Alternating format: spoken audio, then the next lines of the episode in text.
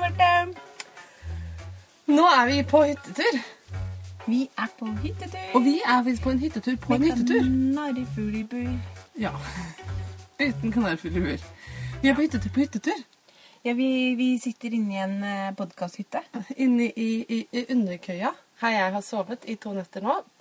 Så vi har bygd en hytte på hytta til Marte sine foreldre. Ja.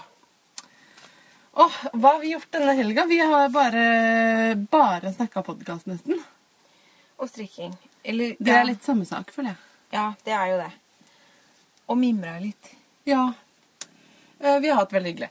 Og nå skal vi eh, eh, spille inn pod. På hyttetur på hyttetur. Vi har også vært litt på sånn seniortur. Vi har drukket kaffe og spist eh, Nidar kremtopper, formkake, strikka. Vi har liksom følt egentlig at den mentale gjennomsnittsalderen her har vært sånn 75. Minst. Omtrent, i hvert fall. Ja. Um, vi snakket om hvor ville og gale vi var i vår ungdom og sånn. Uh, og så har vi planlagt um, denne podkasten og fremtidige podkaster og mye snadder. ja. Og i dag skal vi snakke om! Flerfargestrikk. Ja. Strikke med flere farger. Og da mener vi altså at man strikker mønster i farger. Sånn at man har med seg mer enn én garntråd per runde. Hva sitter jeg med i hånda nå? Ja, det kommer vi til akkurat nå. Fordi i forrige episode utfordra jeg deg, Marte, Ja. til å prøve å lære å elske mønsterstrikking med flere farger. ja. For du har jo gjort det før, men du har aldri liksom Aldri elsket det. Nei. Nei. Det Jeg er spent på nå å høre du, hva, du, hva føler du nå. Hvordan har det gått med, med denne utfordringen? Du kan jo begynne med når du, når du tok utfordringen.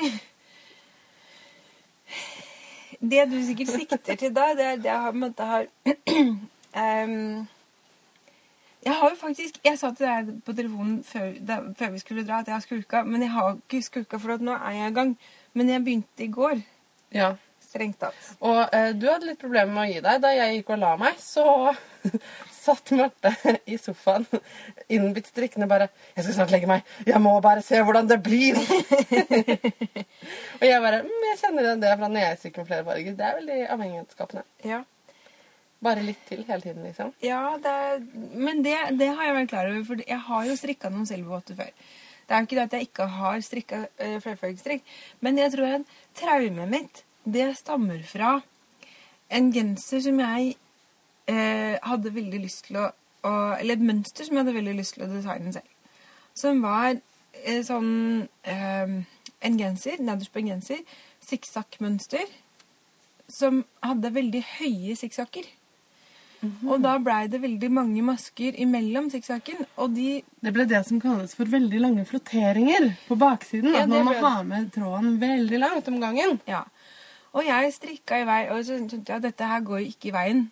Men jeg kunne jo ikke gi meg, for jeg måtte se hvordan mønsteret ble. ble. Og det blei jo helt krise. Den var ikke mulig å få over hodet. Åh, Så da fant jeg at den ble bare snurpa sammen, liksom, som Ja. en pølse. Ja, den ble bare kjempesnurpa sammen. Og så ble jeg bare sånn åh, drit! Aldri mer. Nei. Jeg skjønner. Men det har gått bedre denne gangen. Denne gangen her så har det gått bedre. Selv om du strikka ganske langt i går, rakk opp og begynte på nytt. Ja. Jeg, fordi det som er nå, så skal jeg lære meg å strikke det sånn at det blir pent. Sånn at det faktisk er noe som kan brukes til noe. Ikke at det bare er liksom For min Hvis jeg skal gjøre noe jeg ikke er så veldig god på, som jeg er veldig litt sånn stressa for å gjøre, så er min respons veldig ofte at jeg bare gjør det innmari fort. Jeg, jeg kjenner meg igjen.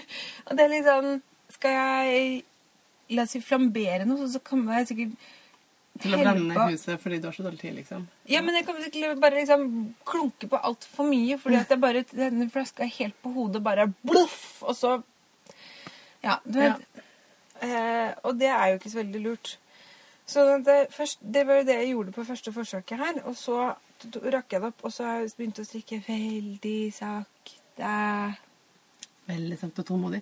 Ja. Og du må fortelle hva du strikker, for du sitter med et mønster her uh, av Dale som heter uh, Stella Raff damejumper. Men det er jo ikke en raff damejumper du strikker. Nei. Det er en hals. Ja. Og det var fordi Altså, det jeg satt Du med, strikker en raff damehals. Jeg gjør det, det jeg gjør.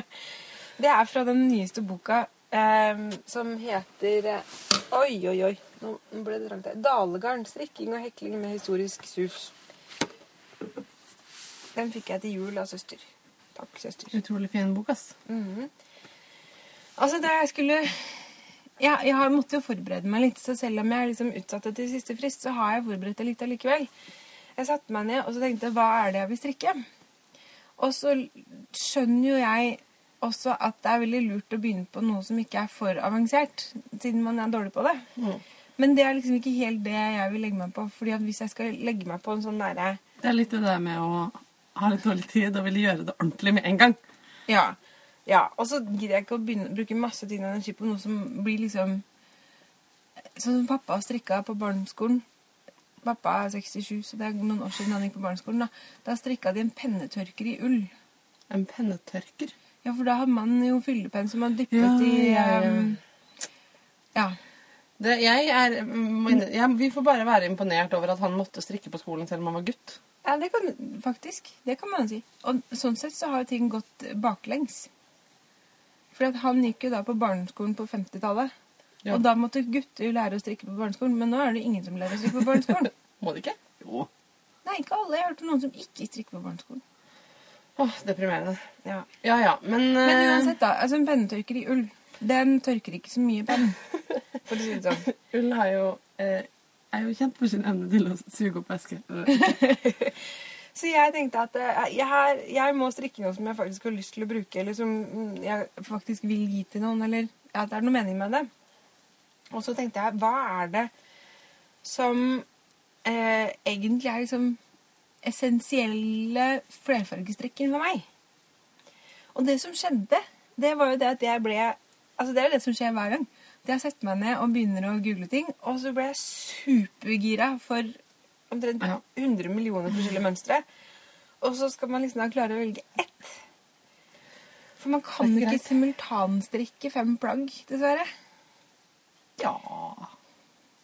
Ja, man kan ha flere prosjekter på en gang. Man klarer ikke å stikke på Nei, alle man kan ikke stikke på alle på en gang. Det Nei. kan man ikke. Jeg har ofte lurt på hvorfor liksom, eh, ikke evolusjonen har sørga for at man gror to ekstra armer når man får barn. For det trengs. Jeg tenkte på det jeg hadde spedbarn. at Liksom, hvis jeg bare hadde hatt to armer til eh, Det skjer så innmari mye speisa med kroppen når man blir gravid. Hvorfor, hvorfor ikke to armer til, liksom? to armer ut av Det er det. ikke, hvis man hadde hatt bare fire armer mens man hadde små barn, så hadde man liksom kunnet gjøre ting i normalt tempo. Og tenk så deilig det hadde vært i forhold til strikking også. Kunne strikka Ja. på, For tiden så strikker jeg to prosjekter i gang, og begge er gaver. Og begge er dritkeen på å liksom bare strikke på. Kunne, og det er bare ett strikk. Jeg kunne strikka liksom hele tiden på to ting samtidig. Det jeg syns også er litt kjipt, er at ingen har funnet ut hvordan man kan strikke med ett strikkeprosjekt i hver hånd. Altså enhåndsstrikking. Ah, du vil ha en sånn Ja, jeg skjønner. Jeg vet ikke hvordan man skulle gjort det. Det er ikke, det, det er ikke min oppgave å finne ut av det. Nei. Jeg skal bare gjøre det. Bra. Men ja. ja. Så jeg fant da masse prosjekter. Så tenkte jeg at det jeg da kan gjøre med alle disse fine prosjektene, jeg fant jeg at jeg kan tipse om dem. Det kan du gjøre. Vil du gjøre det først, eller skal du gjøre det litt senere? Jeg kan godt gjøre det seinere. Fordi det jeg tenkte vi kunne gjøre nå, er litt sånn der Det vi gjorde i sofaen i går, egentlig. Når eh, du Strikke. Ja, det gjør vi allerede. Eh, Men litt sånn at jeg Jeg har strikka veldig mye flerfargestrikk, egentlig. Og føler meg liksom bekvem med det. Syns det er noe av det hyggeligste strikkingen som fins. Um, og så har jeg eh, lest litt nå og prøvd å liksom For det er veldig mye, mange ting man bare liksom kan intuitivt og har lært uh, av bestemor og sånn, som ikke nødvendigvis er så lett å forklare. Men ja, nå har jeg prøvd å formulere det litt. sånn at eh, I går så forklarte jeg noen ting for deg, noen prinsipper. Og så tenkte jeg at det, vi kunne gå gjennom det nå, i tilfelle det er noen andre som trenger samme håndholding. Ja, fordi det som var fantastisk i går kveld, det var at jeg satt Jeg hadde liksom en privatlærer som satt sammen med meg hele kvelden. Det hørtes ut som jeg kan, liksom, kan ting. Jo, men du kan jo mer enn meg, i hvert fall. Du kan jo mye. Selvfølgelig, du har lagd kjempefine ting. Eh, så det, det er ikke noe tvil om at du kan strikke med flere farger. Og da kan du definitivt Nei, og det er noen ting som man på en måte lærer seg litt sånn etter hvert, og gjerne the hard way. Så da kanskje du kunne liksom få lov til å hoppe bukk over noen av de nybegynnerfeilene som eh, man har gjort. Du har jo allerede laga en genser som hvor du fikk altfor stramme flotteringer på baksiden. Men en annen ting som vi snakka litt om i går, og som du eh, så Vet du, du forskjell på. Du må forklare hva floteringer er. Jeg sa det i stad. Oh, ja. Det er den, altså, altså Man har med seg når man strikker med flere oh, farger, så Ja. har du med den fargen du ikke strikker med på baksiden, på vrangsiden av stoffet. Og Da får du sånne små tråder på baksiden. Mhm. Og hvis de blir for lange, da må man feste dem. Ja. Um, Sånn at ikke du får Altså Det er spesielt viktig når man strikker votter, sokker kanskje, og um, ermer som mm. hånda skal gjennom. fordi ellers kan fingre sette seg fast i dem. Og det er jo ubehagelig, og det, barn blir veldig sure når det skjer.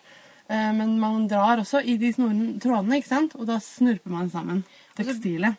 Er det jo kanskje fordi at man har strikka ujevnt også? Ja, eller greia det er ganske vanskelig, fordi man må, må holde de akkurat passe stramme hele tiden. Blir de for løse, så blir det på en måte slerkete. Mm. Blir det for stramt, så blir det snurpa sammen. Mm. Men uh, du har på en måte bare dine egne fingre til å på en måte passe på at den holder seg passelig stram på baksiden hele tiden. Mm. Og det er litt vanskelig, og det er ofte sånn at man strikker med et nytt garn, f.eks.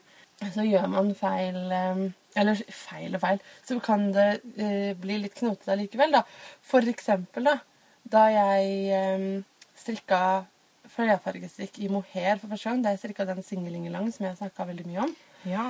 da plutselig så opplevde jeg at det ble ganske mye snurping. Plutselig. Fordi at eh, mohair er så innmari litt elastisk. Jeg er vant til å strikke med ull, vet du, som er så eh, sjenerøst. Det ble vanskelig. Så da måtte jeg liksom ta opp litt og bare være litt obs på det, da. Mm. Litt blokker ut, selvfølgelig, men, eh, men ikke så mye i mohair, faktisk. Fordi det er såpass uh, uelastisk. Mm. Men da begynner jeg med flotteringen, siden vi snakker med det. Ja. Altså, hvis man En sånn dommerfingerregel kan være at hvis det blir på en måte mer enn 2,5 cm tråd mm. på, på vrangsida, hvor man på en måte ikke har strikka med den fargen på 2,5 cm, da bør man feste den på midten av den flotteringen, da. Og hvordan gjør man det? Altså, når man holder de to trådene, så holder man de stort sett over samme finger når man strikker på den eh, europeiske eller den kontinentale måten. Som er den vanligste måten å strikke på i Norge. Det er, da holder du tråden over eh, pekefingeren på venstre hånd. Og Og kan jeg unnskyld, skyte inn en ting? Mm. Nå, det, nå visste jeg at du skulle si hvilken hånd det var, men så tenkte jeg over høyre hånd. så i går da jeg eh, lette etter mønstre til til flerfargestrikk, så så jeg en vott hvor det på forsiden var skrevet Altså strikka inn da teksten 'left' på venstrevotten, Ja. og på høyrevotten så sto det 'the other left'.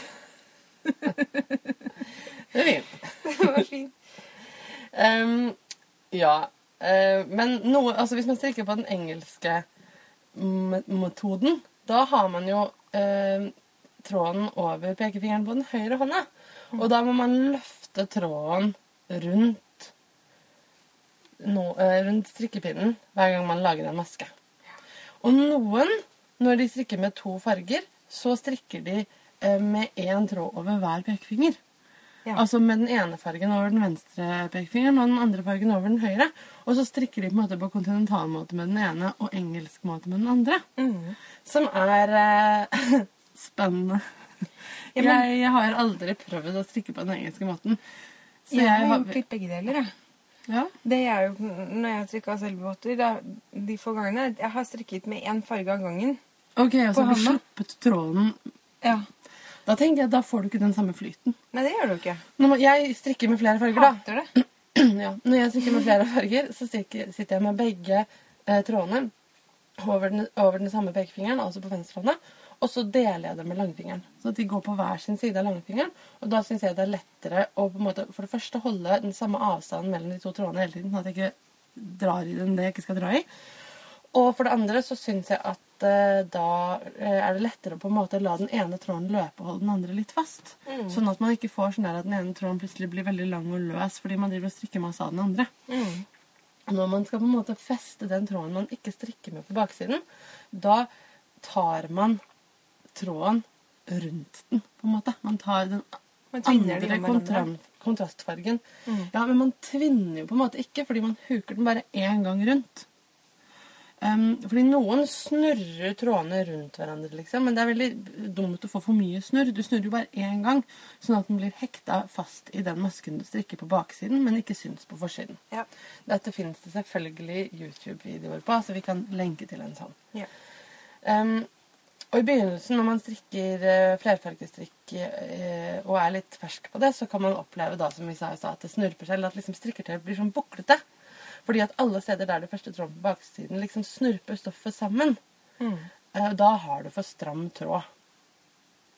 Da må du rett og slett uh, prøve å strikke litt langsommere og passe på at den blir litt slappere. Kan jeg få skyte inn der, da? Ja. Mine erfaringer fra gårsdagen. Mm. Det er det at jeg har lurt på liksom, Skal man strikke litt løst når man strikker med flere farger? Eller skal man strikke litt stram? Skal man strikke den ene fargen litt stram og den andre litt løs? For eksempel da Så har jeg tenkt at det, den fargen som det bare er en, en lus av, for eksempel, har du der, Ja. den kan man jo strikke løs sånn at den lusa blir litt større enn resten. ja. Men stemmer det? Nei. Nei. Det skal, maskene skal være sånn Jeg som masker tror man skal prøve å strikke akkurat sånn som man pleier å strikke. At på en måte det, det eneste som er annerledes, er den der tråden du har med på baksiden. Det er den du må konsentrere deg på, liksom. Mm. Og jeg funnet ut at den beste måten å liksom få dette her jevnt på, det er rett og slett å liksom gi hver eneste maske litt omsorg, tenkte jeg på i går. At man liksom strikker en maske, og så strammer man den til den er akkurat passe stram. Ikke for stram, ikke for løs. Så man må liksom passe på Mm. ja, hver eneste Og en maske. annen måte, da. Det er en fin overgang til dette med dominant farge og bakgrunnsfarge når du snakker om dette med lus. Mm. Hvor du sier at på en måte, det er fristende å strikke lusa litt løsere, sånn at den står litt mer fram. Men det er en annen måte å få mønsteret til å liksom tre litt mer fram. Det er nemlig sånn at når man jobber med to farger, så er det en, en overraskende stor forskjell på hvordan mønsteret framstår mot bakgrunnen, avhengig av hvordan du holder garnet øh, liksom på baksiden av arbeidet når du strikker. Du holder altså to farger over samme finger, og da er det sånn at den fargen som du holder lengst til venstre på fingeren, den kalles for den dominante fargen. Og den andre kalles for bakgrunnsfarge. Og greia er at den dominante fargen på en måte popper litt mer i det ferdige tekstilet. Den blir litt tydeligere, kommer litt i forgrunnen, og det finnes masse bilder på nett hvor man har på en måte strikka en lapp med samme mønster på begge, men bytta om på hva man har holdt som dominant farge. Jeg skal finne et fint bilde å lenke til. Um, og det er, eller man kan google det, fordi det er to ganske forskjellige uttrykk. Det ser ganske likt ut med en gang, men så ser man at liksom um, det, Ja, det er akkurat det som er forskjellen, er at det oppleves ulikt hva som det er i forgrunnen. Jeg, jeg, du viste meg det bildet i går, og jeg skjønner hva du mener når du sier det, men det er ikke stor forskjell. Det er ikke kjempestor Jeg synes at Jo sånn- lenger man ser på bildet, jo større forskjell blir det. Ja, det er det kanskje. Også, men det er en sånn Hvis du ikke ser noe på det, så hadde du aldri i verden sett det. Hvis du ikke bryr deg om det, så kommer du ikke til å merke til det. Nei. Men for de som er opptatt av at det skal bli liksom, den ekstra lille finishen, så er det en viktig detalj. Ja. Og det som også er eh, Som jeg nå oppdaget, er en annen av de virkelig plageåndene med å strikke med flere nøster samtidig. Det er at det, det vikler seg noe så inni granskauen inn i hverandre. Mm. Utrolig Det- slitsomt. Om man da har styr på hva som er hvilken farge, så Hjelper det veldig. vikler det ikke i det hele tatt. Altså, det jeg mener egentlig å si her, da, er at det, jeg syns det er en smakssak hva man velger å ha som den dominante fargen. Ofte så er det sånn kanskje at det er finest å la mønsterfargen være den dominante fordi det på en måte er mindre av den tråden enn det er av bakgrunnsfargen. Sånn at da vil du gi den litt mer sceneplass eller noe sånt. Men hvis man syns det er finere at det mønsteret er litt spett, da. Det kan jo komme, Hvis man strikker bladmønster, eksempel, kan det hende at det ser litt fint ut, at det er litt sart og sånn. Ja. Um, at det eh, er en smakssak hvilken man vil ha som dominant farge, men jeg syns man skal være konsekvent i det, fordi at det gir et jevnere strikketøy. Ja, At hvis du på en måte sitter med fargene på den fingeren og passer på å holde de, på, eh, holde de to fargene i, i samme rekkefølge hele tiden, da, får du, da blir det lettere å få til et jevnt og fint tekstil. Ja. Men vet du, det er jo egentlig liksom et mantra uansett hva man strikker. At om du ikke kan den spesielle økemetoden som står i mønsteret, så øk sånn som du kan. Bare gjør det på samme måten, på samme sted, gjennom hele strikketøyet. Mm. Men det jeg syns er ja, liksom det aller deiligste, er det at nå har jeg strikka 20 cm. Og det, trådene ikke vikla seg inn i hverandre. Nøstene ikke vikla seg inn i hverandre. Men det er fordi at jeg konsekvent har hatt den ene fargen på den ene siden og den andre fargen på den andre siden. Ja, og så legger jeg, eh, som jeg ser du sitter og gjør nå også, alltid et neste på hver side av kroppen. Ja. Eller at jeg på en måte putter nøstene på forskjellige steder, fordi Ja. at da mm, er det lettere, hvis man får litt snurr da, så er det lettere å se på en måte, oppdage når snurren har kommet, og gjøre noe med det. Og så må jeg si at siden jeg er litt sånn nymyndig ennå, da, så har jeg oppdaga at det er mye lettere for meg å holde de to Altså når man har det, det kan vi snakke om. Har du tenkt å si noe om det? Hvordan man holder de, de, de to trådene? Ja, ikke noe mer enn det jeg har sagt, at jeg pleier å dele dem med langfingeren. Ja, fordi jeg, sånn som jeg sitter og holder det nå, da, så har jeg begge to trådene over pekefingeren. Og så går dominantfargen, den som ligger lengst til venstre, inn mot håndleddet. Den tar Den jeg går på innsiden av over langfingeren. pekefingeren og innsiden av langfingeren. Så liksom vever det mellom fingrene nesten litt. Og mens den eh, sekundærfargen, den går over pekefingeren, videre over langfingeren, og så vever den seg under ringfingeren. Hmm. Og så klemmer jeg begge to mellom langfingeren og pekefingeren. Nei, lillemann. Lillefingeren. Lillemann. ja. Ja. Og det, da, liksom, da Det som har irritert meg mange ganger, det er at når jeg har Dette her har jeg skjønt av meg selv før. At det går det an å gjøre, liksom. Men når jeg da har begynt å liksom strikke litt, så plukker du sant, den fargen du skal ha. Så strikker jeg mørkegrønn, mørkegrønn, og så skal jeg lysegrønn. Og når jeg da tar den lysegrønne, så begynner de to fargene liksom å hoppe over hverandre på fingeren, for Ja. Eller ligge helt klint inntil hverandre, så det ikke er mulig å få tak i den ene fargen med, med strikkepinnen. Og løsningen da, for meg, jeg vet ikke om det er riktig eller ikke riktig, eller hva som helst, men det funker i hvert fall foreløpig, det er at jeg har den dominantfargen på venstre side av knokkelen på pekefingeren, den liksom største knokkelen, og så sekundærfargen på nærmere negling. Sånn at de er på hver side av knokkelen. ja. Så du skiller, da- bruker liksom bøyen på fingeren til å skille de to fargene? Ja, da spriker de trådene i hver sin retning. Og så kjenner jeg at det, jeg klarer å kontrollere liksom eh, eh, Jeg kan liksom rykke litt i tuppen av fingeren, så strammer jeg den der sekundærfargen. Og så rukker jeg litt i Jeg vet ikke hva jeg gjør, jeg. Jo, da drar jeg litt til med hele hånda for å stramme den dominante fargen. Det ser eh, veldig bra ut. Jeg tenker altså En annen viktig ting er at liksom man, man begynner å strikke, og så blir man vant til det. Altså. Det føles kanskje litt Ja. sånn kronglete i begynnelsen, men så blir man vant til det, og så går det greiere og greiere. Og så blir det penere og penere. Også. Sånn som i går, den første du strikka altså jeg mener Ikke at jeg syns det så veldig stygt ut, men det var mye mer eh, buklete og snurpete enn det du strikker nå, da. Ja, Det blir mye jevnere nå. Det lille du har av sånne småsnurp nå, det tipper jeg at kommer du til å blokke fint ut. Ja, det er liksom små, småsnurp. Det, her har jeg litt snurp, for her har jeg henta tråden på baksiden. Ja. Så der har jeg vært for stram, da. Men det, sånn, det må man jo bare lære. Jeg tenker at man Altså, det er som Da jeg skulle begynne å teknikker, man strikker seg inn i det, liksom. ja, men Da jeg skulle begynne å strikke i, med dette her i går, så følte jeg at jeg aldri har strikka før. Sånn, hvordan i all verden holder man trådene? Hvordan holder trådene seg på plass? Det, var helt sånn, det føles helt merkelig. Det er ingenting å holde fast i. Nei. Og du var sånn her Hvordan i all verden skal jeg kontrollere strikkfastheten min? Nei. Og det er jo litt sånn det kan være når man strikker med Hvis jeg f.eks. prøver å strikke på den engelske metoden, da, så blir jeg helt lost. Fordi jeg blir helt sånn Jeg skjønner ikke mekanikken i det. Men det er klart, jeg hadde jo sikkert vent meg til det etter hvert. Ja. Så det, det, det jeg da oppdaga, at hvis jeg liksom strikker hver eneste maske for seg Så det tar litt lengre tid, men da blir hver maske sånn cirka riktig. Og så glemmer jeg meg litt, og så snurper det seg litt. Men da tenker jeg man, Da lærer man å få liksom håndlag med det etter hvert. Det er et ord som jeg liker veldig godt. Så nå, nå, hele tiden mens du har snakka det, så har jeg prøvd å strikke én vrangmaske på engelsk måte. Det gikk ikke. Nei. Nå strikket jeg den på norsk. Ja. Eh, Ja, men altså det med å ha håndlag med ting, det er jo liksom det som er fascinerende med å se på noen som er skikkelig flinke på det de gjør. Mm. Som når de bruker hendene, at de En eller annen som kan mm, Jeg vet ikke, bake noe fantastisk, eller ja.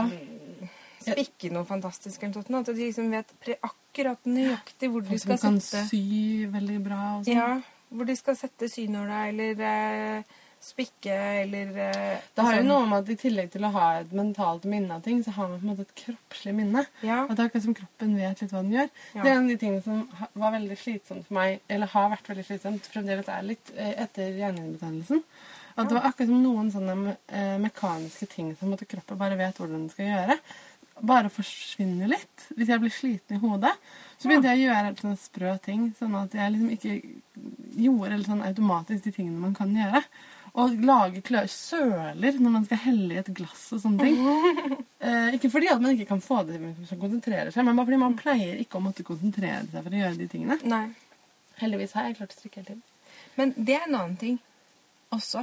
Eh, på jobb, for eksempel. Det er litt flaut, men jeg spiser som en gris der. Og det er helt merkelig. Jeg klarer ikke å få maten inn i munnen. Men jeg, og så kommer jeg fra det Men bare på jobb? Ja, men hva er det som ja, liksom, Det er bare på jobb. Hva er det som skjer? Hvorfor er, er jeg så innmari dust på å spise på jobb? Så kommer jeg på at det er jo selvfølgelig noe med bestikket. Det er annerledes. Det er annerledes bestikk. Og det er, altså, alt er så smått der. Det er små gafler, små tallerkener. Skulle tro det var lettere å treffe munnen på en måte. Ja, men Ja. Jeg vet ikke, men, er, men jeg tenker at akkurat hvordan den derre eh, Det er kanskje en eller annen form på gaflene der eller sånn som er annerledes enn det det pleier å være på de aller fleste andre bestikk. Som gjør at jeg Den derre auto... Automatikken blir avbrutt, liksom. Ja. Jeg skjønner. Ja, Men uansett, men tilbake til strikking. ja, for det, den automatikken får man jo inn etter hvert når man har gjort Ja. det innmari mange ganger. Så finne akkurat den perfekte spenningen, det kjenner du i hånda når du bare har gjort det nok, tenker jeg. Ja. Så da får jeg akseptere at dette blir litt buklete, og så neste prosjekt så blir det sikkert mye bedre. Jeg tenkte jeg skulle si litt om å strikke inn enden av å bytte farge. Ja. Fordi det liker mange å gjøre, og det liker jeg å gjøre fordi at eh, jeg syns det er veldig slitsomt å feste veldig mange tråder på slutten av eh, et arbeid. Og da er det fint å ha strikka dem inn underveis. Da kan man bare klippe dem istedenfor å veve dem inn med en nål, liksom.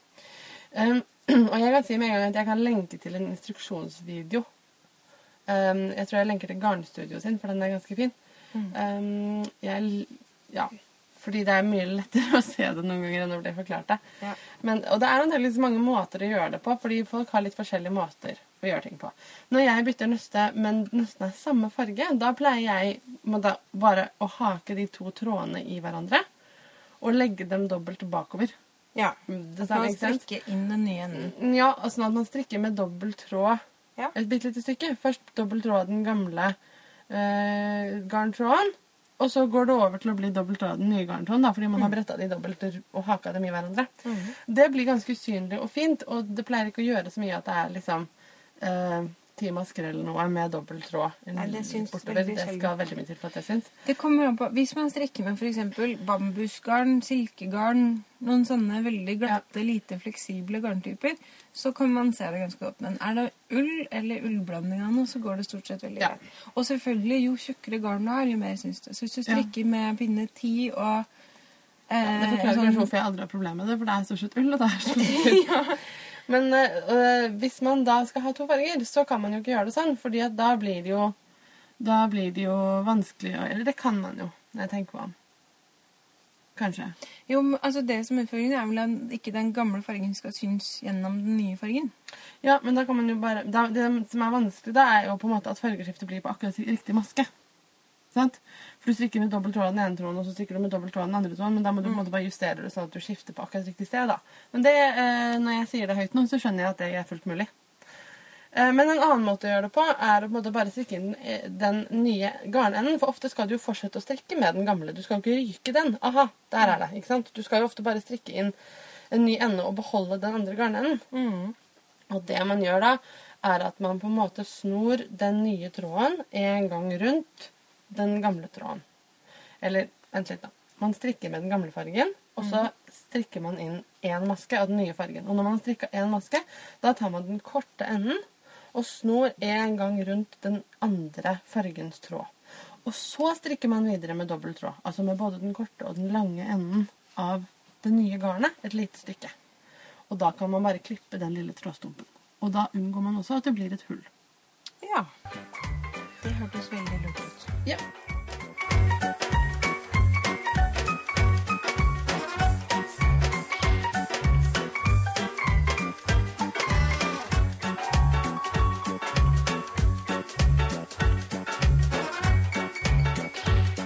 Da tenkte jeg at jeg skulle si en kort liten ting til om eh, i tilfelle noen eh, f.eks. vil eh, lage sitt eget fargemønster.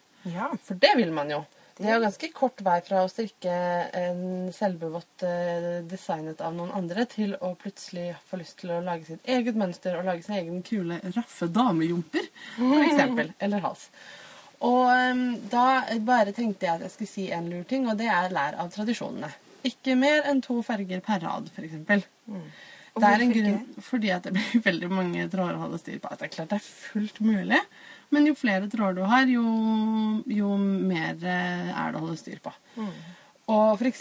Shetland, Island, Norge, tradisjonelle mønstre herfra, har sjelden hatt mer enn to farger per rad. Selv om f.eks. på Shetland så kan man ofte ha så mye som syv-åtte farger i samme genser. Mm. Men på hver runde er det to. Mm. Um, jeg har strikka et mønster som heter Welcome to the Flock. Det er strikka to ganger. Det er en babyjakke med sånne veldig søte sauer i rundfellingen. Den er supersøt. Men for det første så strikkes den fram og tilbake, som jeg syns er eh, irriterende når man strikker med flere farger. Um, det er nok også en vanesak, men jeg syns det er eh, pes å drive og strikke på vrangsiden med flere farger. Um, men det mest irriterende med den er at den har tre farger i samme runde. Det, det er så dølt! Man blir sur. Jeg blir sur av å strikke med, med tre farger på en gang. Det er utrolig irriterende og føles unødvendig. Så den andre gangen jeg strikka um, den mønsteret, så øh, gjorde jeg det om. Sånn at det ble helt annerledes. Det hørtes veldig fornuftig ut. Jepp. Man skal Og- ikke bli sur av å strikke, egentlig. Nei, man skal ikke det. Og vi, nå er vi jo da liksom litt over på å snakke om øh, tradisjonene. Shetland nevnte jeg nevnt Norge. Island, Norge. Jeg tenkte jeg bare skulle si litt grann om forskjellige flerfargestrikketradisjoner. Ja. Og etter det så vil jeg gjerne ha dine inspirasjonstips. ja. Så jeg begynner med Shetland siden vi er der, da. I den engelsktalende verden så ser jeg veldig, veldig ofte at folk ikke, Nei, vet du hva, det er løgn. Ikke i den engelsktalende verden. I strikkeverden. Ekstremt ofte at folk omtaler alle typer strikking med flere farger som Fair Isle. Mm. Det er uh, veldig, veldig feil. Fordi Fair Isle er en, det er en flerfargestrikketradisjon som kommer fra Shetlandsøyene. Og det er veldig spesielle regler for hva slags, eh, hva slags strikking som kan kalles Fair Isle. Det er regler for hva slags mønster man kan bruke. Det er en egen øy som heter Fair Isle. Eh, det, det er vel eh, en av Shetlandsøyene hvor den tradisjonen stammer fra, ja. Mm. Men eh, det hele, man refererer til liksom hele den Shetlands-strikketradisjonen som Fair Isle, er jeg ganske sikker på. Men de aller strengeste puristene mener faktisk at du må strikke tradisjonelle mønstre, altså de mønstrene som på en måte er fra eh, begyn tradisjonens begynnelse. Um, og i garn fra Shetland, i opprinnelige farger, og du må selv være fra Shetland, og du må strikke plagget på Shetland, Ja. altså på en av øyene, Ja. for å kunne kalle det Fair Isle. Mm. Det høres litt eh, strengt ut, men jeg skal ikke ta stilling til noen ting, siden jeg eh, ikke er fra Shetland, eller noe sånt.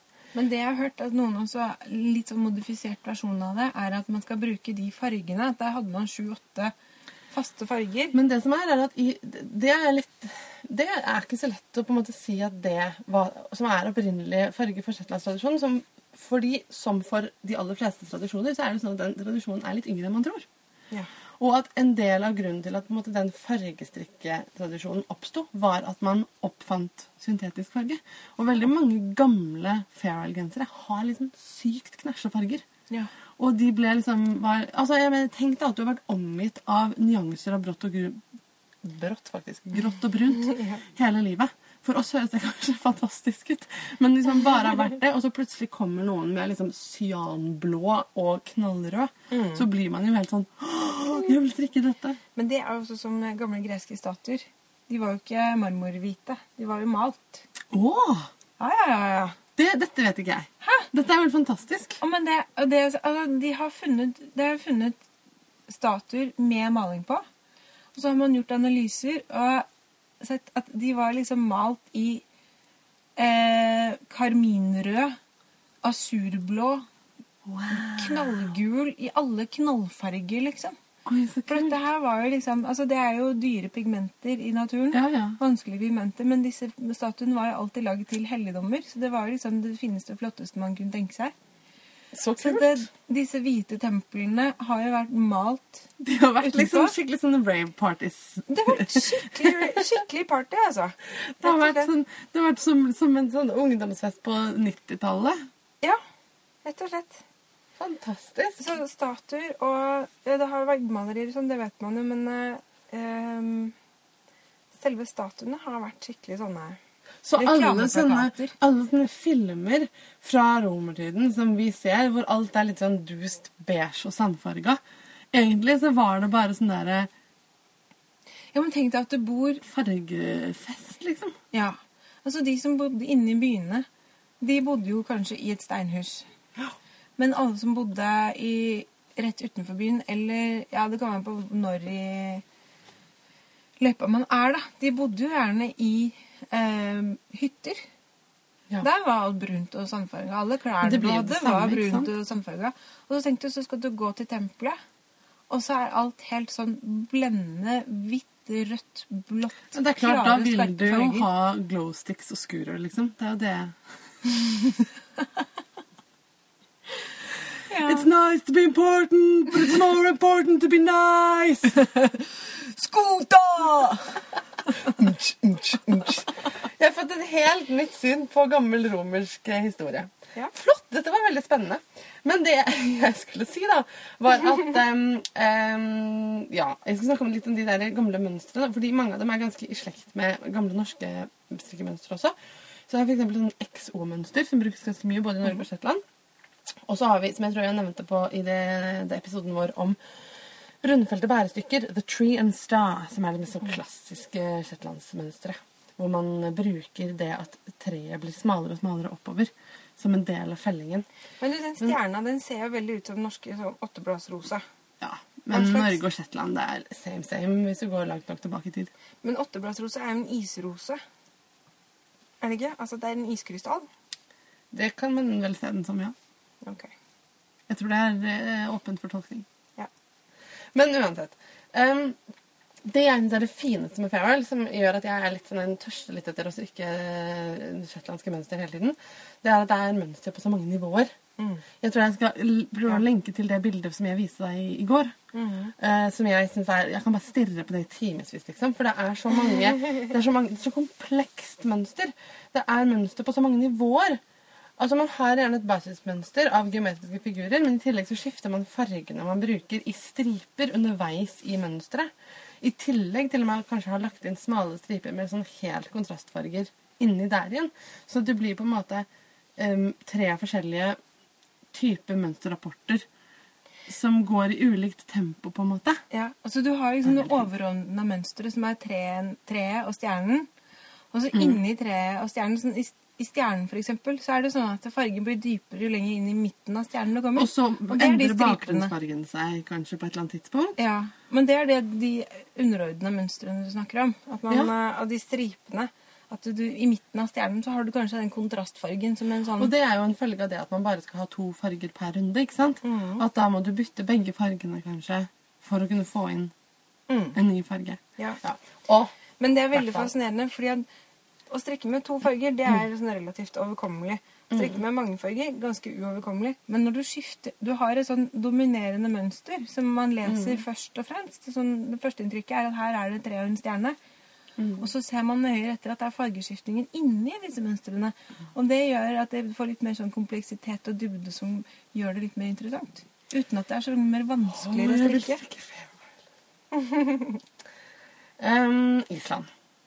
Låpapeisa. Det er jo den klassiske islandsgenseren med det rundfelte bærestykket. Og det vil jeg bare si at jeg tror jeg egentlig er et veldig fint uh, prosjekt for den som kanskje skal prøve seg på flere farger på én gang. Uh, altså flere farger for første gang, mener jeg. Mhm.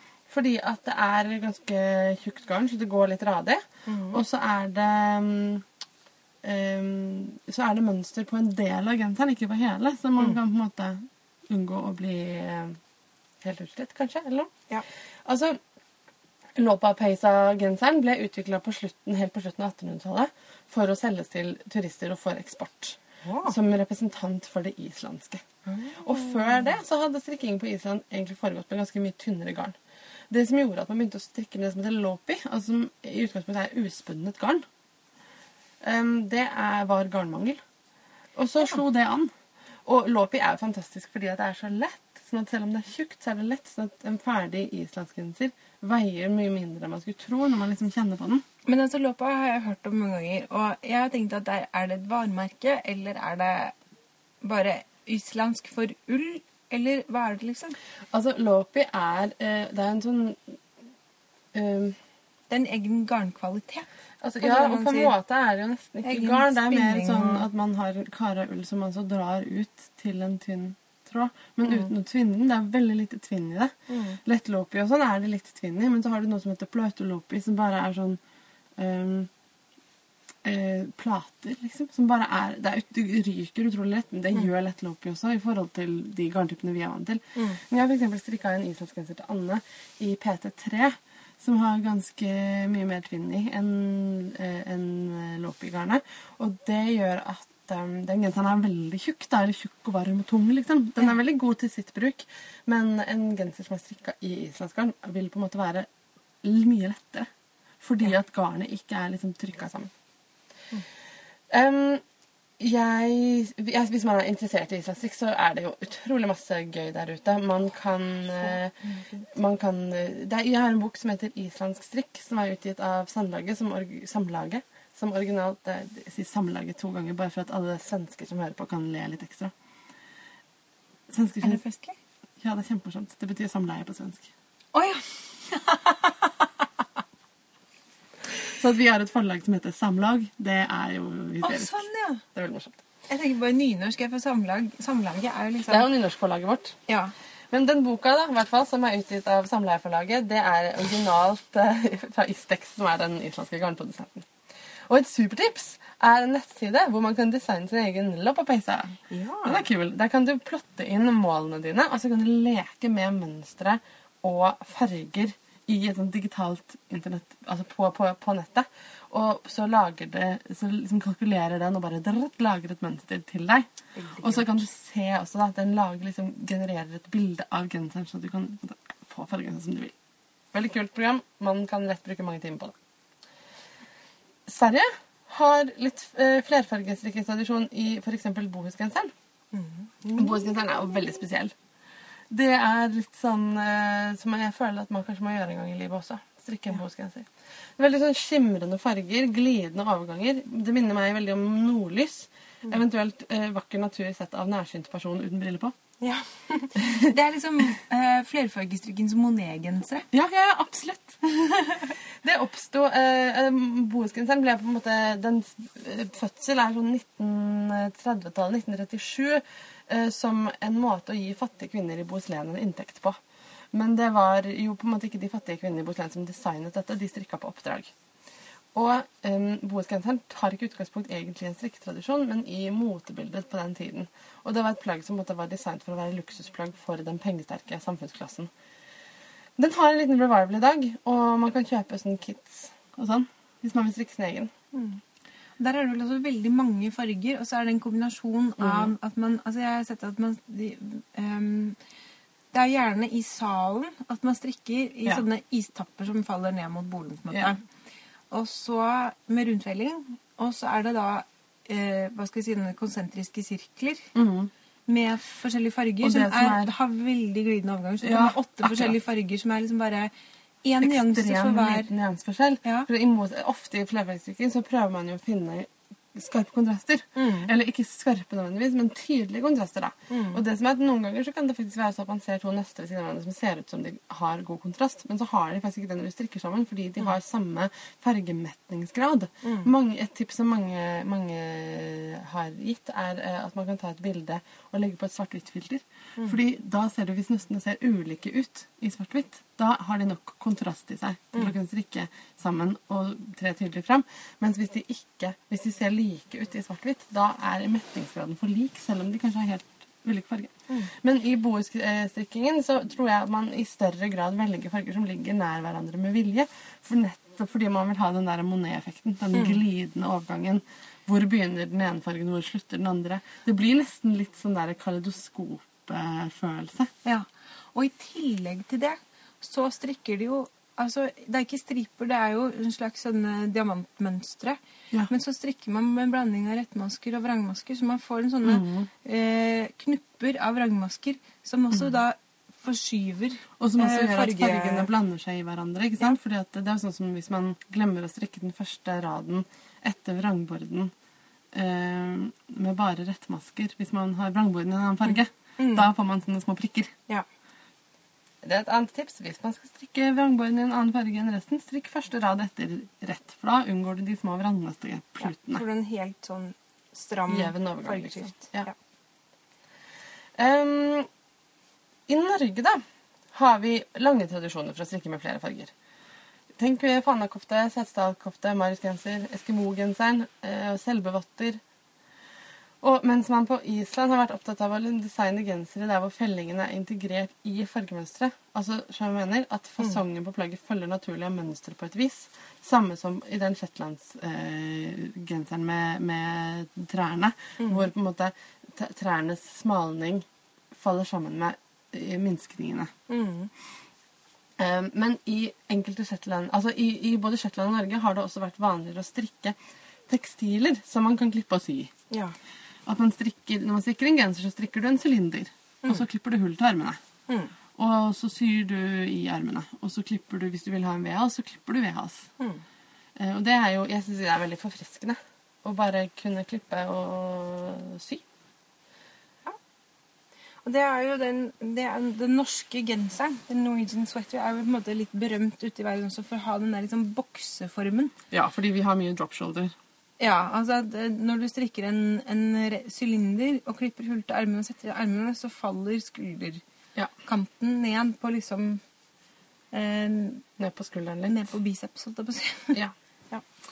Så i, jeg tror, jeg, nå er jeg litt på tynn is, men jeg tror at i Shetland har man hatt eh, eh, en tendens til å eh, figurforme genserne mer. At man eh, minsker Eller at man klipper sånn at um, du får en sånn set-in sleeve. At du setter i armene Uh, at, at det er mer Oi, nå kan jeg plutselig bare engelsk. Tailored Ja.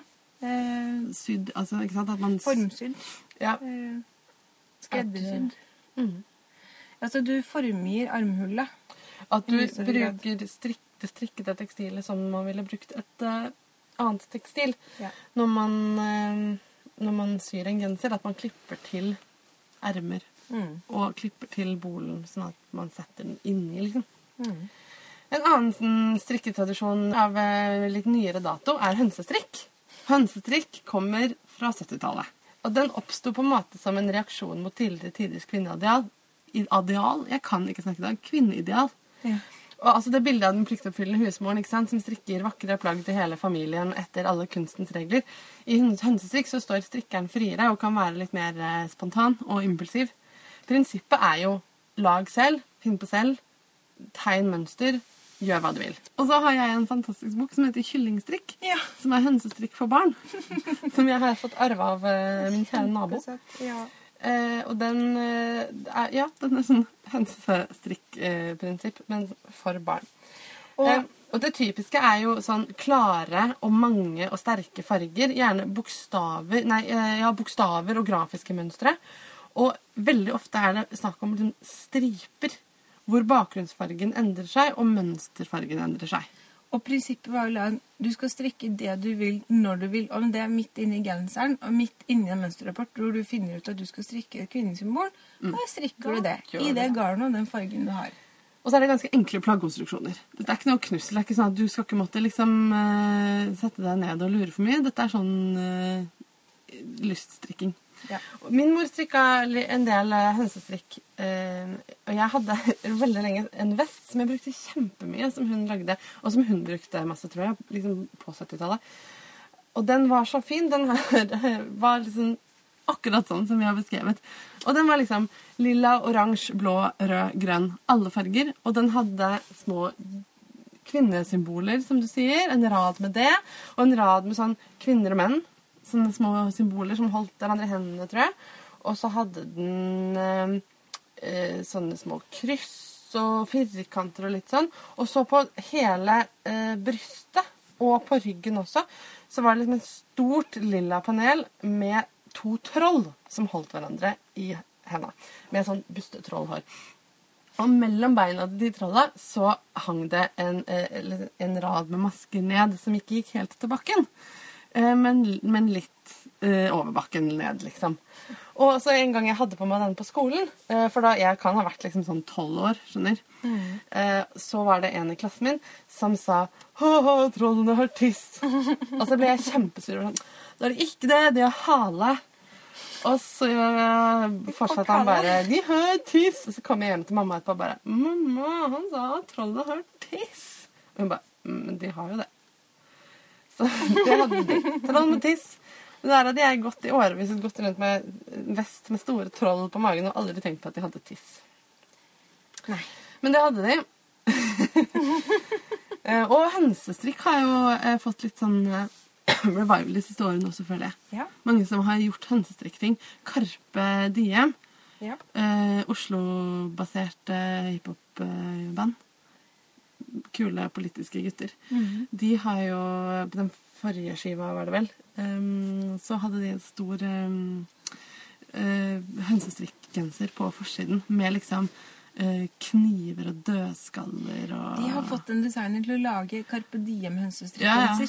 Og den er veldig kul. Og så heter, heter plata Ti kniver i hjertet. Så er det hjerter, og kniver og dødninger. Heter den ikke 'Mor og far i døden'? 'Ti kniver hjerter? Jo, noe sånt. Og, men jeg, et, da den plata kom ut, det er jo noen år siden nå, men da føler jeg da var det litt nære derre Hønsestrikk var litt sånn framme igjen. Og det ble snakka om liksom på TV og litt sånn.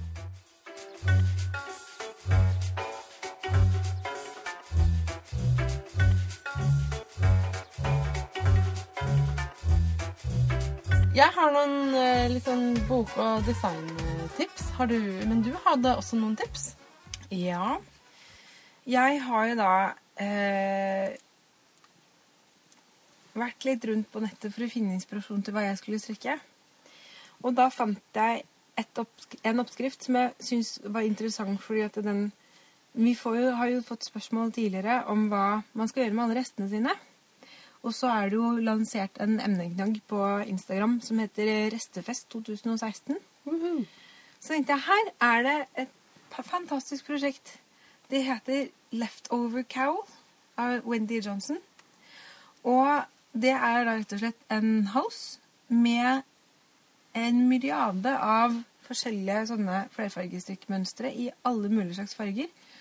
Det er relativt sånne tynne striper med masse forskjellige sånn kryss og kringle og eh, ja, av alle slags grafiske figurer man kan strikke. Og da er det liksom bare å ta alle restene du har.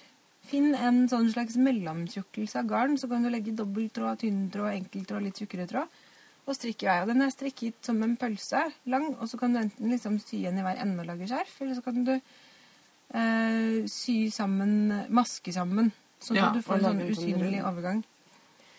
Og det jeg tenkte der, er det er jo Hvis du ikke har lyst til å tenke selv, så kan du kjøpe det mønsteret. Og hvis du er litt mer i hønsestrikkligaen, så kan du finne fram noen fine bilder eller eh, en oppskriftsbok og plukke litt mønstre her og der. Og lage ditt eget. Jeg syns at man ikke kommer utenom én dame når man snakker om eh, flerfargemønster. Og hun heter eh, Felix. Og Ja. her kalles også for Nitsonic. Ja. Og er helt fullstendig bananaskal, føler jeg. Hun har en podkast som heter Nitsonic, som, for hun er sånn lydkunstner Ja. og lydforsker. eh, og jobber ved eh, universitetet i eh, Oxford, tror jeg. Og er veldig opptatt av lyd. Noen av episodene er veldig fine og har mye sånn opptak av sauer som breker og sånn. Elver som risler. Noen er helt utrolig sinnssyke og er liksom sånn 45 minutter med opptak av elektrisk during Ja. fra elekt sånne strømbokser. ja. Eh, ja, Så da kan man velge et avsnitt som passer for en selv. Men hun har gitt ut en bok uh, som heter et eller annet med colorwork. Det som er uh, fantastisk med den boka, det er en utrolig sånn, frisk og morsom innfallsvinkel til å strikke med flere farger. Hun lager flerfargemønster ut fra liksom, inspirasjon ute i verden. Blant annet så har hun latt seg inspirere av en T-boks. en bok som heter The Wonders of Electricity. Omslaget på den boka den er fra 40-tallet eller noe sånt. Og sin egen eh, fruktkake, Ja. som hun også inkluderer oppskriften på. Hun tolker på en måte verden gjennom strikking. Og så viser hun hele prosessen sin om hvordan hun jobber på en måte med et motiv og oversetter det til masker i flere farger. Jeg har jo skrevet en doktoravhandling om resemiotisering, altså det å oversette mm, et inn meningsinnhold fra et tegnsystem til et annet. I mitt tilfelle da fra eh, skriftlige tekster som blir gjort om til film. Men det er jo det hun driver med. Resementisering. Hun oversetter noe visuelt. Motsatt vei, liksom. Nei, Fra på en helt annen til- ting. Fra ja. bilder til tekstil. Ja. Og det er veldig gøy. Og hun har flere sånn veldig veldig kule ting. Blant annet sånn en motorvei som hun strikker. Ja. En grøftekant som hun strikker. Det som er litt viktig å poengtere, er at hun strikker jo ikke selve motorveien, men hun finner et bilde som hun syns det er noe fascinerende ved. Mm. Og så har hun tegnet en skisse av det, og så har hun tegnet den skissen oppe på rutepapir. Og så har hun Og så jobber hun med det ja, designet. at hun liksom bryter ned det, den tegningen til å bli et mønster som man kan strikke. Så lager hun forskjellige varianter av det. Ja. Og for eksempel um, det omslaget av boka, Mm. det strikkemønsteret hun har endt opp med fra den boka, ser ikke ut som boka i det hele tatt. Men den har Ja, den, den boka, man kan, The Wonders of Electricity. ja, man kan Men den, har, den, er veldig, den er veldig, de er veldig familie. Ja, de er Hun har, familie. men hun har ikke strikka en kopi, nei. Hun har på en måte bare brukt fargene og en del av temaene og liksom rytmen på en eller annen måte. Ja, for den boka den er liksom beige på forsiden, og så har den litt svart tekst og litt rød tekst og litt blå tekst. Ja. ja. Men den har liksom Ja. bakgrunnsfarge, som er ganske sånn dominerende. Og så har den litt tekst i noen forskjellige farger. Så det er litt grann rødt og litt grann blått. Så hvis man analyserer liksom mengden forskjellige farger, og hvordan de, de er plassert i forhold til hverandre, så er det det hun henter ut, egentlig. At hun lager noen liksom Ja, og så tar hun for eksempel, så har hun laga sånn, uh, mye sånn lyn som er strykka, som egentlig ikke Mm. er på boka. Det er vel én sånn der hakkete ting. Men eh, fordi at det har med elektrisitet å gjøre, så har du måttet strikke det temaet veldig inn i det hun ender med. Mm. Men jeg anbefaler folk å, å kjøpe den boka og lese den, fordi den er utrolig kul. eh, Ikke den Wonders of Electricity. Nei, ikke Wonders of Electricity, men Sonic-boka. Det var et tips herfra. Jeg har tenkt på liksom, hva flerfargestrikk liksom, hva, ja, Som jeg sa i sted, hva er liksom det essensielle flerfargestrikken? Og jeg forbinder det med, som du har sagt, liksom, den norske strikketradisjonen. Mm, Nydelige mønstre strikket tett i tett med åtteblad, roser og alt som er deilig. Og Rauma har jo veldig mange oppskrifter i den leiren der. De har jo da først og fremst mange av originalene, de gamle jakkene. Fordi at de har jo tegna opp mønstre liksom på eh, oppdrag fra Husfliden, tror jeg. Og nå har jo de da en enorm katalog som de De lager helt nye ting om, men de spinner også litt videre på det. For eksempel mønsteret med de jakke i Vossamønster. Det har du tenker det derre kors- og kringle-mønsteret, bare i blåst opp litt og litt mer sånn mm, filigramaktig. Altså det er mer snirkelig rundt omkring. Det er Vossamønsteret.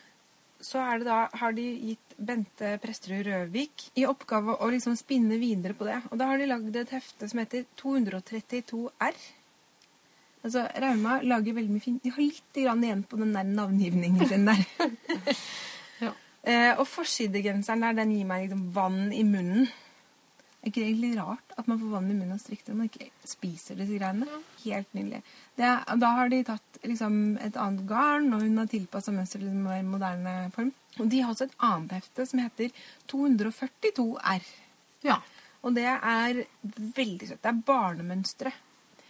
Og genseren på forsida der, den har Er det den vi så på i går i, Ja. på Husfliden? Ja. Vi var på En sånn- utflukt på Husfliden i Tønsberg i går. masse fine garn. Jeg holdt på å bare krype inn i finullhylla og bli der for alltid. Ja. Jeg kjøpte med meg halve hylla hjem. Jeg kjøpte ingenting. Men denne genseren i hvert fall fra Rauma, eh, barnemønster Det er, lurer på om det er det nyeste barneheftet deres ja, nå i Mm, med sånn veldig sånn geometriske 2016. mønstre på den genseren på forsiden. Ja. Den har jo sånn rundforma sal, og så er det dråpeforma mønster. Og hver sånn dråpestripe blir litt større etter hvert som man kommer nedover i genseren. Og så har det nye er farger. Eh, og den minner litt kanskje om vimpelgenseren til Pickles. Den har trekanter, vimpler liksom, i rundfellingen. Ja. Mens dette er litt mer sånn spyttklyser. Det siste prosjektet jeg skulle vil ta, eh, Ja. det er et, eh, et, med moderne-leien. Det er et eh, firma som jeg nettopp oppdaga. Jeg tror det er litt nytt også. Kit Couture heter det. Fra Danmark. De selger kit med sine egne mønstre og garn. Og de har laget en hals som jeg syns er dødskul, som heter diskohals. En, en hals, ja. Ja. De har, de har liksom fem mønstre som de har laget liksom kolleksjoner rundt. Det er hals og genser og pute og litt forskjellig. Så det du strikker nå, kan kanskje egentlig kalles for en raff damediskohals? Ja, faktisk. Den er litt sånn inspirert. Fordi at jeg syns den halsen er kjempekul, men eh, jeg ville da gjerne strikka Rauma finull, for det har jeg hatt veldig lyst til å gjøre veldig lenge. Det visste jeg at jeg hadde på utflytten her, så hadde vi liksom en god unnskyldning for å dra og kjøpe garn på den turen her. Og for alle som ikke vet det, så er Rauma Finull og PT2 helt identiske garner. Og det er mitt favorittgarn i hele verden. Åh. Og de har så fine farger. De har så fine farger. er så nydelig. Eh, Diskohalsen den er, eh, har et veldig sånn grafisk mønster i eh, litt forskjellige farger. Det er nesten litt sånn psykedelisk hvis man stirrer lenge på det. Mm. For det kan, man forventer seg kanskje å få en sånn Loppa-Pacey-gensermønster, men så er alt litt forskjøvet i forhold til hverandre. Det er litt sånn som prøvebilder på TV-en nesten. Ja, det var en bra sammenligning. Veldig, veldig gøyalt. Eh, og det, jeg syns det, det er litt annerledes enn veldig mye annet man ser der ute. da. Eh, så jeg har da funnet eh, en sånn genser med i Dale-boka som eh, har et ganske sånn kraftig grafisk mønster. Eh, som jeg da Jeg vil ikke strikke hele genseren, for jeg tenkte at det var kanskje litt å ta i. Så nå har jeg da laget, en- begynt å lage en hals. Noen designere som lager flere fargestrikk som jeg syns man kan sjekke ut hvis man har lyst til å sikle litt mer. Kieran Foley. Eh, designer med tynt garn, tynne pinner, masse farger, veldig intrikat. Mm. Og nesten cirka alle har hørt om Kay Fassett. Ja. Og Cafe, eh, han eh, er jo tekstilkunstner. Nok en Jobber. gang en mann som heter Gay, og så skrives det kaffe fasit. Heter Kayf. Ja, ja, ja. Men altså, det skrives kaffe. Ja, og han jobber med ja, Det er veldig morsomt at det- ser ut som han heter kaffe. Eh, han jobber med farger. Veldig, veldig veldig mye farger. Så Han jobber med både søm og strikk. Og eh, ja eh, Jeg vil ikke strikke noe særlig av det han lager, men jeg vil se på det. Mhm. Min gode, gamle favoritt Kate Davis har laga veldig mye flerfargestrikk. Mine favoritter um, Scatness Tam har jeg strikka to av hittil i år. Du som trengte så mange flere luer. Ja, jeg tenkte jeg ga den ene til mamma. eh, fordi eh, mammaen min hun ser, eh, når hun tar på seg en lue, så ser hun ut som hun er 12 år, selv om hun er 60.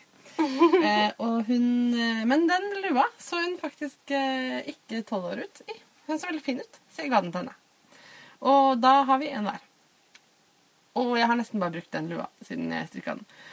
Og hun, Det er også en sånn Scatness tunic i samme mønster som den som jeg synes er veldig fin. Og så har hun da den fantastiske Tree and Star-designet sitt i Jøgs-boka, som heter Cockatoo Bray.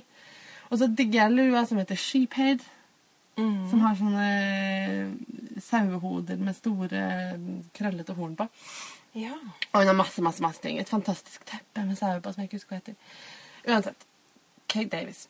Og så har vi noen norske, vi må nevne eh, et par norske damer som lager kule flerfargeting. Ja. Vanja Blix Langsrud lager kofter. Og litt sånn moderne kofter som likevel har en sånn smak av det gamle norske tradisjonelle i seg. Hun har laget, De heter morsomme ting. De heter sånn vaffelkofta, kaffeslabberas, kanelsnurr, kløvreng, lærerinnekofta. Eh, og de er veldig fine. Og så har vi jo gode gamle Pinneguri, som vi ofte snakker om. Ja. Hun har jo laga noen flotte flerfargedesign. Blant annet den eh, gode gamle Sinne-sauejakka. ja. Men det var veldig mange fine rottemønstre også, med sånne tistler på. Som eh, hun derre Miss Nittelott. Hei, Ja. du i Hei, hei. Trondheim. Eh, hun har laga noen fine av den. Og det var det om flerfargestrikk for i dag, tror jeg. Ja. Snart må vi ut av denne hytta og puste. Men uh, helt på tampen her, vi har fått et lytterspørsmål. Ja, det uh, har vi. spørsmålet var Er det egentlig trygt å strikke i bil? Svaret er Nei. Det er dritfarlig å kjøre bil. Hvis du er villig til å risikere livet ditt såpass at du allikevel setter deg i en bil, så uh, anbefaler vi strikking. Ja. Ikke hvis du er den som kjører bilen. Hvis du står i kø, så. Ja. Det- Det har jeg gjort veldig mye, faktisk. Strikka Ikke if, veldig mye. Når jeg står i kø, så pleier jeg å strikke. Jeg tror kanskje at hvis du først skal strikke mens du kjører, så ikke satt på flerfargestrikk hvor du må se på strikketøyet hele tiden. Må Fordi du kan bli bilsyk. Ja. Ja. Ja. Det er sant. Enkel strikking. Um, jeg får ikke lov av Anne lenger å legge føttene opp på dashbordet. Nei, det er faktisk Fordi at hun sier at hvis man krasjer da, så kan man rett og slett bli drept av airbagen. Fordi man blir bretta dobbelt tilbake og får liksom sine egne knær gjennom kraniet. Mm. Og det høres jo ikke noe særlig kult ut. Men det er veldig synd, for det er den eneste behagelige måten å reise i bil på, er å ha liksom beina opp på dashbordet og strikke. Ja. Men det får jeg ikke lov til lenger. Så jeg må sitte liksom stappa opp med beina i kors som jeg sitter nå omtrent. Mm. Det går også bra. Eh, altså, selvfølgelig, Man kan alltid være sånn der eh, Man kan stikke ut øynene og la, la, la. Men eh, altså, å kjøre bil folkens, er det farligste vi gjør. Det er sykt mye tryggere å gjøre de andre tingene som folk er redd for, som å fly og sånn. Eh, men eh, jeg tror ikke at eh, strikking i bil er, eh, gjør selve bilkjøringen veldig mye farligere. Altså, jeg tenker på Å sitte med strikkepinner i hendene, det er jo det samme som å sitte med to blyanter i hendene. Ja. Det kan hende at man gjør hvis man skal skrive et eller annet. Man tenker ikke på at det er farlig. Det er ikke noe annerledes med strikkepinner. Metallpinner kanskje litt Kanskje metallpinner litt mer. Men for Jeg eksempel, jeg har vært i en bilulykke én gang. Og den eneste liksom, personskaden eh, som var av noen som helst alvor i den bilen, det kom av et eh, fransk ordbok som traff eh, hun andre i bilen i hodet. I liksom krasjøyeblikket. Fordi at den kom flyvende inn Den, fra hvis hun satt i baksetet og leste til, fransk, til eksamen og studerte fransk, og fikk den boka liksom i eh, huet, tror jeg, og det smalt godt. Mm. Fordi med en gang man er i såpass høy fart, så blir ting mye tyngre enn det egentlig er. ikke sant? Så løse gjenstander i bil, sykt farlig. Mm. Strikkepinner, ikke, eh, ikke sykt farlig, tenker jeg. Det er klart at Hvis du krasjer og du holder pinnene og du får de opp i nesa sånn at de liksom går inn i neseboret og man blir mørk, så er det veldig dumt. Men, men jeg tenker det kan man ikke gå rundt og bekymre seg om på daglig basis. Nei, jeg var mer redd for is som faller fra taket i Oslo, liksom. Ja. Det, det det var litt sånn lavpunkt å, å ende på. Ja. En ting jeg kan si som er mye lystigere, er at jeg blir veldig sånn inspirert av at du sitter her og flerfargestrikker. Jeg får veldig, veldig, veldig lyst å, å strikke med flere farger. Det eneste som er synd, er at jeg sitter her med prosjekter. Mine to eneste prosjekter som er i gang nå, er ensfarga. Eh, Nei, ikke helt. Eh, Mariusgenseren får jo mønster etter hvert. ja, det gjør den. Den andre tingen jeg strikker på, skal jeg ikke snakke så mye om av eh, ulike grunner. Den kan jeg snakke om til sommeren. Ja. Men uh, Mariusgenseren uh, jeg, jeg har begynt på den. For jeg sier ikke mer. Jeg begynte på den. Vi har hatt en fantastisk hyttetur. Vi vil anbefale alle andre å eh, forlate deres familier for en dag eller to og dra på, på hyttetur og Strikke uhemmet. uhemmet. Jeg jeg har litt vondt i hendene fordi jeg har strikka så mye. Og det er veldig, det er veldig god vondt. Og så anbefaler vi også alle å følge oss på Instagram og like oss på Facebook og skrive mail til oss. Og um, noen har sagt sånn derre og jeg har ikke Instagram, jeg vil så gjerne at dere skal legge ut alle bilder av alle ting dere strikker og sånn. Og dessverre så er både jeg og Marte pratmakere og ikke eh, fotografer. Så vi er ikke sånn vi, ja, ja, Det litt, sitter litt langt inne for oss begge å starte en blogg og poste alt vi strikker, tror jeg. Det, det er ikke lystbetont. Men vi instagrammer veldig mye av det vi strikker, og vi skal prøve å lenke til Instagram-bildene våre i um, lenkelista. Vi fordi har- vi har åpne Instagram-kontoer, Ja, og så på, og hvem som helst kan se. på nettsiden vår, marteogmarte.com, marteogmarte.com, så har vi laget et sånt bildespill hvor alle bildene fra emnetaggen vår, emneknaggen vår, eh, Marte og Marte fra Instagram, dukker Så der kommer våre bilder, og alle andres bilder som tagger dem med Marte og Marte, kommer på nettsiden vår der. Nå Så gjør det, da. lagret- Tagg med Marte og Marte på Instagram. Ja, så kan alle se. Det er kjempegøy å se. Ja. Og det er, da, de blir ikke liggende i all evighet, for det er liksom de 50 nyeste bildene eller et eller annet sånt nå. Men der er det i hvert fall mulig å se litt. Og denne hytteturen har resultert i masse spennende planer på podden videre. Vi har diskutert framtidige avsnitt, hva vi skal snakke om, eh, ting vi vil gjøre. Eh, vi gleder oss til å fortsette å podde og til å finne liksom andre måter å strikke med alle våre fantastiske lyttere på, som begynner å bli ganske mange. Og du og Marte, takk for hytteturen. Takk det for har vært eh, herlig. Jeg gruer meg til å grave ut bilen. For det snør. Ja. Inn i helvete. Ja, det ordner seg alltid. Ja. Det, husk å ta med spade. Det står ikke i velvettreglene lenger, men det er lurt å ta med spade. Og ikke bare grav deg ned i tide, men grav også bilen ut i tide. Jeg skal gå og gjøre det nå. Ha det, Marte! Ha det, Marte!